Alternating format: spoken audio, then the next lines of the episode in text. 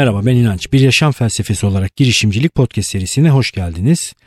Konuklu bir programdayız. Gaziantep Teknopark Genel Müdürü Ekrem Tekin'le gerçekleştirdiğimiz sohbet bizim için çok keyifli geçti. Umarım sizler için de dinlerken o kadar keyifli olur.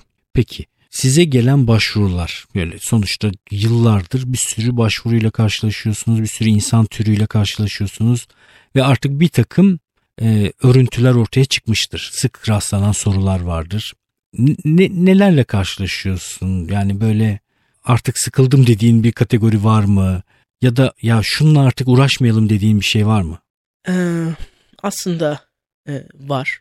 Bazen ben çok sabırsız bir insan olduğumu düşünüyorum. Çünkü girişimci geliyor ve e, halihazırda satabilecek bir şey var. E, ve sürekli bir yenilik. Yani satmak yerine yeniden yapmayı ya da daha iyisini yapmayı ya da benzer başka bir şey ya da rakibin yaptığını yapmak üzere kurguluyor. Oysa onu satmasını ben istiyorum daha çok. Teknolojinin nasıl gelişin yani mühendis olarak kalıyoruz biz çoğumuz belki ve hep bildiğimiz işi yapmaya çalışıyoruz. Daha iyi teknoloji, daha iyi iş, arge yapmaya çalışıyoruz ama girişimcilik daha çok satmak, daha çok çap oluşturmak, daha büyük çap oluşturmakla ilgili bir şey. Uçtan uca bütün o ekosistemdeki her işi yapabilmek demek. Satıştan pazarlamaya, arıza bakımdan üretime değil mi? Bana göre evet büyümek demek yani. E, mühendisler çoğu zaman o teknolojinin çalışabilmesi nihai başarı ya da daha iyi çalışabilmesi, daha yüksek performansla çalışabilmesi, daha iyi görünmesi o da güzel bir şey. O mutlaka bunu yapan insanların olması gerekiyor ama bana göre iş büyümekte çünkü ekonomi herkes sizden bunu bekliyor. Teknopark tarafına girelim biraz orada çok güzel Olur. bağlayabileceğim bir Tabii. yer var. Şimdi e, Teknopark ne? Teknopark e, kanunuyla çizilmiş sınırlar içerisinde teknoloji girişimcilerine vergisel birçok avantajın sağlandığı bir yer. E, ve devlet bunu neden teknoparklar olsun istiyor? Çünkü her devlet istiyor. ARGE e, yapan firmalar olsun, büyüyen firmalar olsun, Silikon Vadisi şirketleri gibi şirketler olsun. Çünkü devletin zenginliği de o şirketlerin ürettiği değerle ölçülüyor. Peki Teknopark bunu nasıl yapmaya çalışıyor? Kiralama yaparak. Şimdi kiralama yaparak bir ülkeyi büyütmenin e, bir bağlantısı olabilir mi?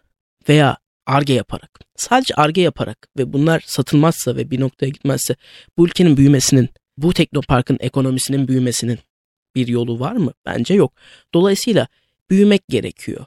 Büyümek gerekiyor. Büyümeyi nasıl yapacağız? Ya pazara erişeceğiz, mal satacağız. Ya da eğer mal satılacak durumda değilse de yatırıma erişeceğiz. Yine satış var. Her Fikri var. satacağız ve o fikre yatırım alacağız.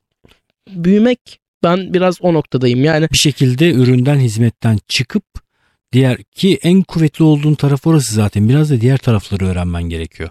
Eğer bunlara hiç bulaşmak istemiyorsan girişimci olma. Git yani başka bir çatı altında ya akademi çatısı altında bunu yapabilirsin. Bir, bir, kurumsallaşmış bir şirketin altında içinde bunu yapabilirsin. Evet. Ama kendin bu dünyaya bir değer üretmek üzere bir şeyi ortaya koyup da onu insanlarla buluşturmak istiyorsan o iş öyle o kadar kolay değil. Gerçekten çünkü insanların dikkatleri böyle şey esir alınmış durumda. Yani ya çok enteresan şeyler var. Yani benim aynen bahsettiğiniz gibi benim en zorlandığım konu belki de bu. Yani ben e, büyüme düşünsün istiyorum herkes. Bu şirket nasıl büyüyecek? Nasıl büyüyecek? Bir web sayfası yapan birisi veya bir e, işte portal yapan birisi işte bu portala bu kişiler böyle abone olacağı, bu portaldan şöyle faydalanacağı anlatıyor. Hep bunu söyleyip yaptırabiliriz.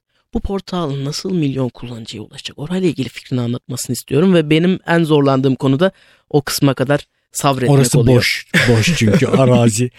ve şöyle şeyler yaşanıyor bu arada. Bir miktar para kazanmaya başlar başlamaz girişimci işe geri döndürmüyor parayı. Paylaşmıyor mesela. Çalışanıyla paylaşmıyor, paydaşlarıyla paylaşmıyor. Aldığını götürmeye çalışıyor. Bir süre sonra da zaten şansını kaybediyor. Yani Türkiye'de e, bununla ilgili araştırmalar da var. Yani gerçekten dediğiniz gibi aylık 30-40 bin lira bugünün kazanan kişinin iyi bir konforu var ve o konfor alanı daha büyük yapmak zorunda hissettirmiyor ama ülkenin daha büyüğe ihtiyacı var ve sen bunu yapabilen bir bir kere başarabilen bir insan düşünmen lazım. Yani meslek olarak yapıyorsan bu şirket büyümesi lazım. 10 kat büyümesi lazım. 20 kat büyümesi lazım. Ekrem kolay yani sen kamuda çalışıyorsun falan. Ama yani hani bunu birilerinin söylemesi gerektiğini düşündüğüm için ben kamuda çalışıyorum. Hı hı. Yani e, evet belki e, e, ben de girişimci olsam birileri bana bunu demesini istiyorum ve diyecek birisi yoksa e, bari burada olayım ben diyeyim. Bir şekilde e, herkes bulunduğu noktada ve kontrol alanı içerisinde, üretim yapabildiği alan içerisinde elinden geleni yapmalı. Tabii ki katma değer arttırmak evet. lazım. Mümkün olduğunca e, kaldıraç kullanmak lazım. O en önemli kaldıraçlardan bir tanesi de tabii yurt dışına, global dünyaya açılmak. Evet. Orada e, herkesin kendisine stratejik bireysel hedefler koyması lazım. Ben mesela 2020 için kendime böyle bir hedef koymayı düşünüyorum. Yani kendi bütçeme bir kanal olarak, bir e, nakit akışı olarak globalden bir damar eklemeyi düşünüyorum. Çok iyi olur. Yani çünkü e, biz ülke olarak gerçekten hani e, birbirimize sattığımızda zenginleşmiyoruz. Hı hı.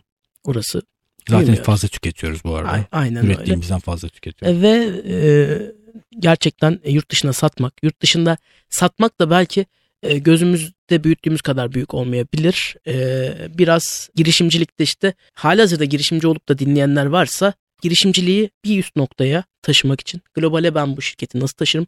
Nasıl global bir şirket yar- kurarım? Yeni bir girişimcilik gibi düşünsünler ve global bir şirket kursunlar. Çünkü yaptıklarından çok farklı şeyler yapmayacaklar. Hatta belki dünyanın birçok yerinde Türkiye'ye sattıkları süreçten, Türkiye'de yaptıkları ticaretten veya girişimciden çok daha rahat e, bir alan yaratacaklar. Bu işleri çok daha kolay yapabildiklerini de görecekler. Bu şu anlama gelmiyor. Yani biz işte girişimciler çok iyi olsun, mezun olsun, yurt dışına gitsin anlamına gelmiyor. Burada Türkiye'de gerçekten büyük fırsatlar var. Arge maliyetleri, geliştirme maliyetleri çok iyi. Siz globalde çok iyi network yöneterek hatta belli bir network'ü dahi yöneterek e, çok iyi gelirlere ulaşma şansınız var.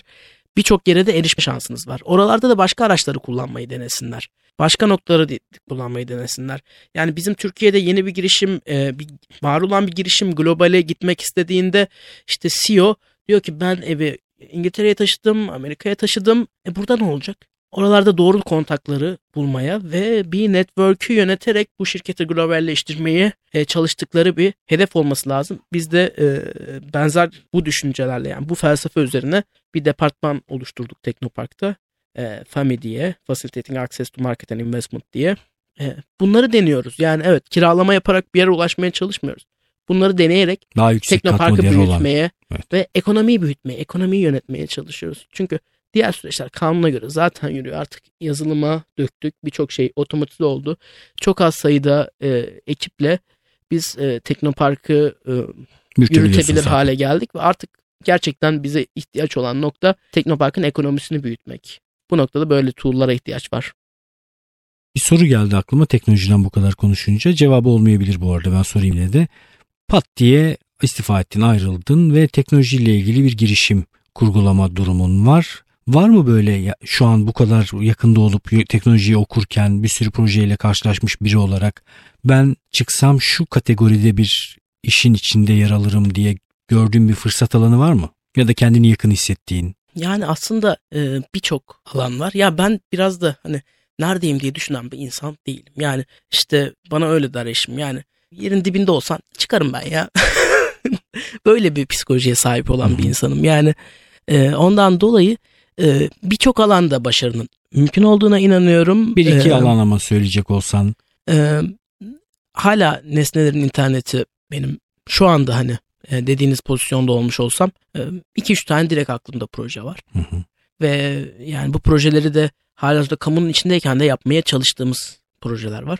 Veya ben şunu demeye çalışabilirim. Yani ürün araştırırım. Teknoparklara girerim. Kim ne yapmaya çalışmış? Yani çok iyi bir fikir varsa gidip ben bunu globalleştireyim derim. Yani ben buna ha, bir tane enteresan. global bir şirket kurayım. Ben bunu satarım derim ve hiç baştan bir şey icat etmeye uğraşmam. Yani hali hazırda yapamamış ve çok iyi mühendis arkadaşlar var. Dedim ki yani bunu ticaretleştirelim. Yani hani bunu ticaretleştirelim. Ticaretleştirmek çok zor değil yani. Global vizyonla bir web sayfası kurmayla ve işte aranacak kişileri bu işi satacak iş modellerini ortaya koymayla yapıyor. İş modelleri de öyle yani internete yazıp bakabilirler. Yani 60 tane iş modeli e, diye slaytlar var. Yani 60 iş modelinden hangileri çalışır? Tik tik tik seç ve hani bu iş modelleri de kurgusunu yap. Çünkü aradığınızda bir insana böyle bir ürün var dediğinizde e, artık dünya açıyor web sayfana bakıyor. Açıyor LinkedIn hesabına bakıyor. Dolandırıcı mı değil mi? Eğer bu ürün gerçekten işe yarıyorsa alabilecek durumda ve dolayısıyla ben dediğiniz gibi bir durumda olsam. Hatta enteresan değil mi böyle bir yere? Bu çünkü menajerlik yani şey vardır ya kendim aktörlük yapabilirim tabii Evet. ki ama prodüktör olarak değer üretmek mesela başka bir kategoride yani Evet. bir şeyler üretiyorsun ya da menajer olarak değer üretmek illa böyle şeye kilitlenmek zorunda değil insanlar. Evet o halihazırda beğendiğim bir fikre ortaklık teklif ederim. Yani korkmam bu çok ilginç bir şey yani. Türkiye'de herkes ben yapmalıyım sıfırdan yapmalıyım. E gidelim ortak olalım yani hani e, para mı koymak gerekiyor? Bilgi mi koymak gerekiyor? Emek mi koymak gerekiyor? Veya e, ben yanımda parayla geliyorum derim. Yani hani bir fikre, çok beğendiğim bir fikre, globale gidebilecek bir fikre yatırımcını da ben bulacağım derim ve orada kendime bir alan yaratmaya çalışırım. Eğer bugün dediğiniz e, bir pozisyon olmuş olsa ve hani öyle benim arkadaşlar da ekiptekiler de çok pozitif buluyor. Yani hatta bendeki pozitifliğin %10'una sahip olsa hayatlarının çok güzel olduğunu olacağını hayal eden insanlar var. Öyle E, düşünmek lazım Bu ama. kadar yani pozitif olmak e, Yattığın yerden doğru mu? pozitif olmak değil ama tabii pozitif ol. Düşünüp sonra aksiyona geçmek. Yani o heyecanlandırıyor beni. Yani Tabii. evet ya olur yani. Bu, bu gerçekten olur diyor. Ve belli iş modelleri çok hoşuma gidiyor. Dediğiniz durumda olsam yani hani Mesela çok hep muğlak konuşma. şöyle muğlak söyleyeyim konuşmalar var. mesela en güzel çok basit bir şey söyleyeyim. Yani başkasının taşıyla başkasının kuşunu vurma. Hı hı. Bir iş modeli bana göre.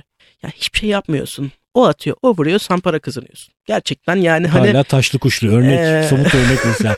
ya da buna uyan mesela bir taşlı kuşlu. bir örnek ne var mesela? Kim var burada bu dünyada başkanın birinin taşıyla? Yani Airbnb mi mesela? Ya Airbnb, Facebook da öyle yani. Sen içerik paylaşmasan bugün bir kişi bir gün boyunca kimse içerik paylaşmasa kimse Facebook'tan zevk almaz. Evet. Yani o içerik paylaşıyor, o okuyor, sen para kazanıyorsun. Orada çok tabii şey e, uzun bu arada kolay değil o işte o tip işleri kurgulamak. Yani başta bayağı bir benzin yakmak gerekiyor. Orada da işte growth hacking diye bir araç var. Yani büyümeyi hacklemeye çalış. Orada da çalışacağın konu belli. Yani bu konu nasıl büyüyecek? Bu büyümeyi ben nasıl hacklerim ki kendiliğinden büyüyen bir yapı ortaya koyarım? Bir, Onu düşünmeye çalışıyorum. viral etkiye sahip, network etkisine sahip pazar yerleri bir bu aralar biraz enteresan olmaya başladı. Yani bir pazar yeri hem e, insanlar birbirlerine ürün veya hizmet veriyorlar ama bir yandan da doğası itibariyle viral bir network'ün pazar yeri. Onun için hemen yayılıyor hızlıca. E, mesela eczaneler böyle bir e, network. Nasıl? Eczanelerin birbirine ilaç sattığı bir takım şeyler var mesela. e, girişimler var. Yani pazar yeri ama eczacıların bir network ve viral bir network olmasından da faydalanmış oluyor. Çünkü heterojen bir kitleye derdini anlatmak durumunda değilsin. Bir kere çalıştığını gören bir e, bir, bir grup eczacı hemen hızla bütün eczacıların haberdar olmasını sağlayabilir. Yani o da bir mesela growth hack bence. Yani, pazar yerindeki kitlelerden birini viral seçmek. Evet. Mesela ben o eczacılıkla ilgili bir kampanyanın içerisinde bulunmuştum. Eczacılığa yönelik sunulan bir ürün. Facebook'ta eczacıların bir grubu var. Sadece eczacılar. Facebook'tan bu grubun üyelerine reklam yapabilme fırsatı veriyor sana. Tüm e, iyi bir Nokta videon atış. varsa herkes de senin videonun altına birbirini etiketliyor ya da eczacı arkadaşı olanlar tüm eczacı arkadaşlarını etiketliyor. Bak böyle ilginç bir teknoloji varmış diyor.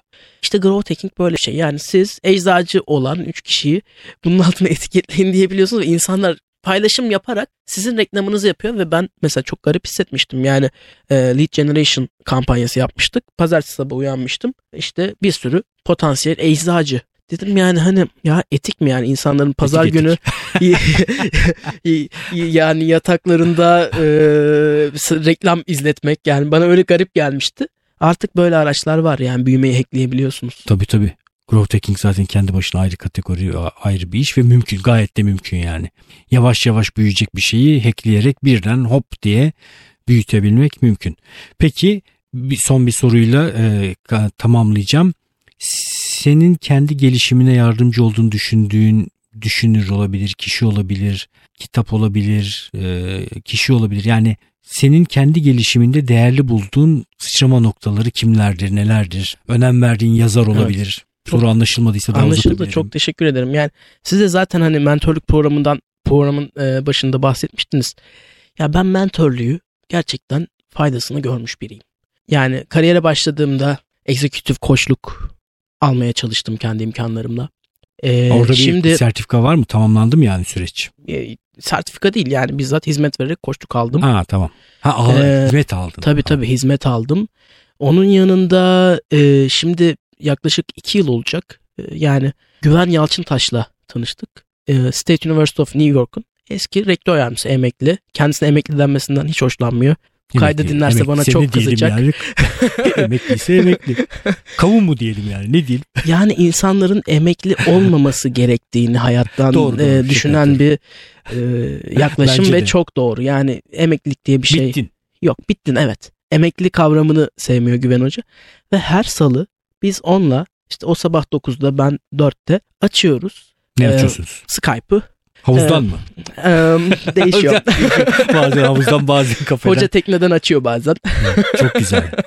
Sizle baya böyle bir e, şeylik ilişkisi var galiba yani e, karşılıksız Evet. fayda üretmek üzere. Yani yıllarca o Beydol yasasının çıktığında e, orada yaşayan süreci bir şekilde sen teknoloji transfer ofisinin direktörüsün deyip koydukları ve süreci bilen yıllarını teknoloji transferine atamış ve Türk ve yani e, diyor ki şu an salı günleri ben heyecanla bekliyorum diyor ve ben de heyecanla bekliyorum. Her salı ya bu hafta şöyle şöyle bir görüşme oldu. Böyle böyle bir şeye takıldım. Firmaya böyle bir şey teklif etsem ne der diye sorabildiğim. Pratiğinde ne değiştirir en önemli? Böyle birkaç 3 2 3 şey sayacak olursan. Çünkü enteresan Türk olarak dedi siz uyuşmaya çok müsaitsiniz. Yani bazen oluyor ki ben öyle bahaneler sunuyorum ki hocaya.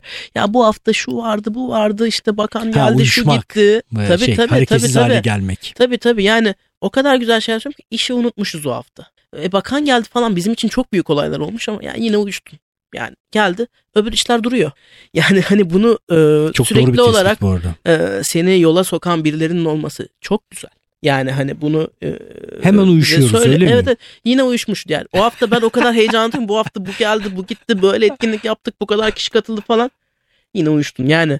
e, Uyuşmaya kanınıza diyor öyle bir şey var ki havadan mıdır nedir diyor Çok yani böyle çok kolay e, Çok berrak bir anlatım gerçekten bu arada. Yani Bırakınca Türkiye'deki insanları birden uyuşuyorlar değil Evet. mi?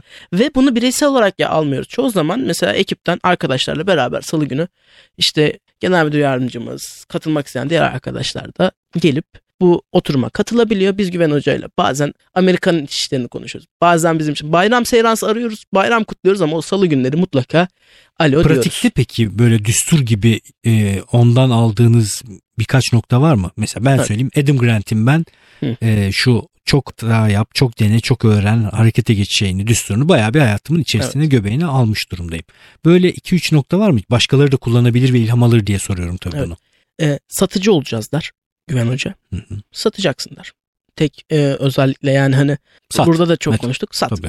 yani sat. Ee, Uyuşma, evet kitaplar falan aynen öyle sat anlat. Ee, veya onun mesela söylediği çok güzel bir etki. O nasıl yaratıcı olur seminer olunur seminerini defalarca verdiğim insan oldu. 10 kere verdiğim insan oldu. Ve 11. kez aynı seminere gittim tekrar verdim. Anlamadığı için değil. O hani dedik ya o etki. Tetikleyici, tetikleyici. O düşünsün BJ onu. Fogg'un yani, davranış değiştirme yönteminde bu aralar onun üzerine çalışıyorum. Bayağı da proje geliştiriyorum. Bir davranışın açığa çıkması için üç şeye ihtiyaç var. Beceri, beceri, motivasyon ve tetikleyici. Güven Hoca'nın orada yapmış olduğu şey tetikleyici. Mesela Güven Hoca'nın sunumu Leonardo'nun yaratıcılık prensipleri. Yani Leonardo'nun yaratıcılık prensipleri de çok eğlenceli. Ben bir kişiye 50 kere anlatıyorum diyor. Çok ilginç mesela gece yatarken üstüne kalın bir şey örtmek. Yani bunu anlatmak çok eğlenceli. Hani gece yatarken üstünüze daha kalın bir ne örtü oluyormuş? örtün. Baskı yapıyor herhalde Daha çok duyulara. ya- bilmiyorum yani daha yaratıcı oluyor. Leonardo'nun hormon- prensiplerinden birisiymiş. Tahmin edebiliyorum. Duyulara yani deri üzerinden daha yüksek bir baskı yapıyor. Hormonal dengeyi değiştiriyor herhalde. Muhtemelen yani bunun gibi hani ben e, örnekleri anlatılan şeylerin de çok akademik şeyler olmadığını anlatmak için böyle bir örneği verdim. Hani siz e, o böyle bir sunumu var yani Leonardo gibi e, nasıl buluş yapılır Einstein gibi nasıl düşünülür. Bu sunumu Onun defalarca alet çantasında var bu ve bunun işe yaradığını biliyor ve uyuşmadan aldım Gittiği lafı. yerde flaşı takıyor ve bu sunumu yapıyor. Çok güzel. Yani ben diyor bu sunumu 30 yıldır yapıyorum. Çok iyi. Mis. Enteresan ve oradan çok beslendiğini ve bu sunumla sadece bu sunumla bir yılda 10 kat arttırabildiğini ifade ediyor buluş gelme miktarını. Mesela çok enteresan bir konu. Ben bunu çok iyi anlıyorum artık. BJ. Fogg'un bu teorisinden sonra tetikleyici Bazen bir şeyi yapabiliyor durumda oluyorsun. İsteğin de oluyor ama sırf hatırlamadığın için yapmıyorsun. Aklına gelmiyor. Leonardo da Vinci'nin bir tane sunumunu dinlediğinde birden bir şeyler tetikleniyor. Zaten yapabilir durumdasın. İlham da var. Hop o davranış açığa çıkıyor. Örneğin dinleyicilere bir örnek olsun. Güven Hoca'nın pratiklerinden bir tanesi. Teknede oturuyorum diyor. Bu havuzlu tekneli başladık öyle gidelim. Gözüme bir yıldız kestiriyorum. Oraya doğru bir yolculuk yapıyorum. Oradan dönüyorum dünyaya bakıyorum ve dünyanın o mavi boncuk gibi parladığı resmini görmeye çalışıyorum oradan. Ve sonra oradan e, aşağı dünyaya tekrar yolculuk yapıyorum ve iniyorum. Yaratıcı olmak için e, mesela böyle bir pratik. Nasıl? Çok güzel, keyifli.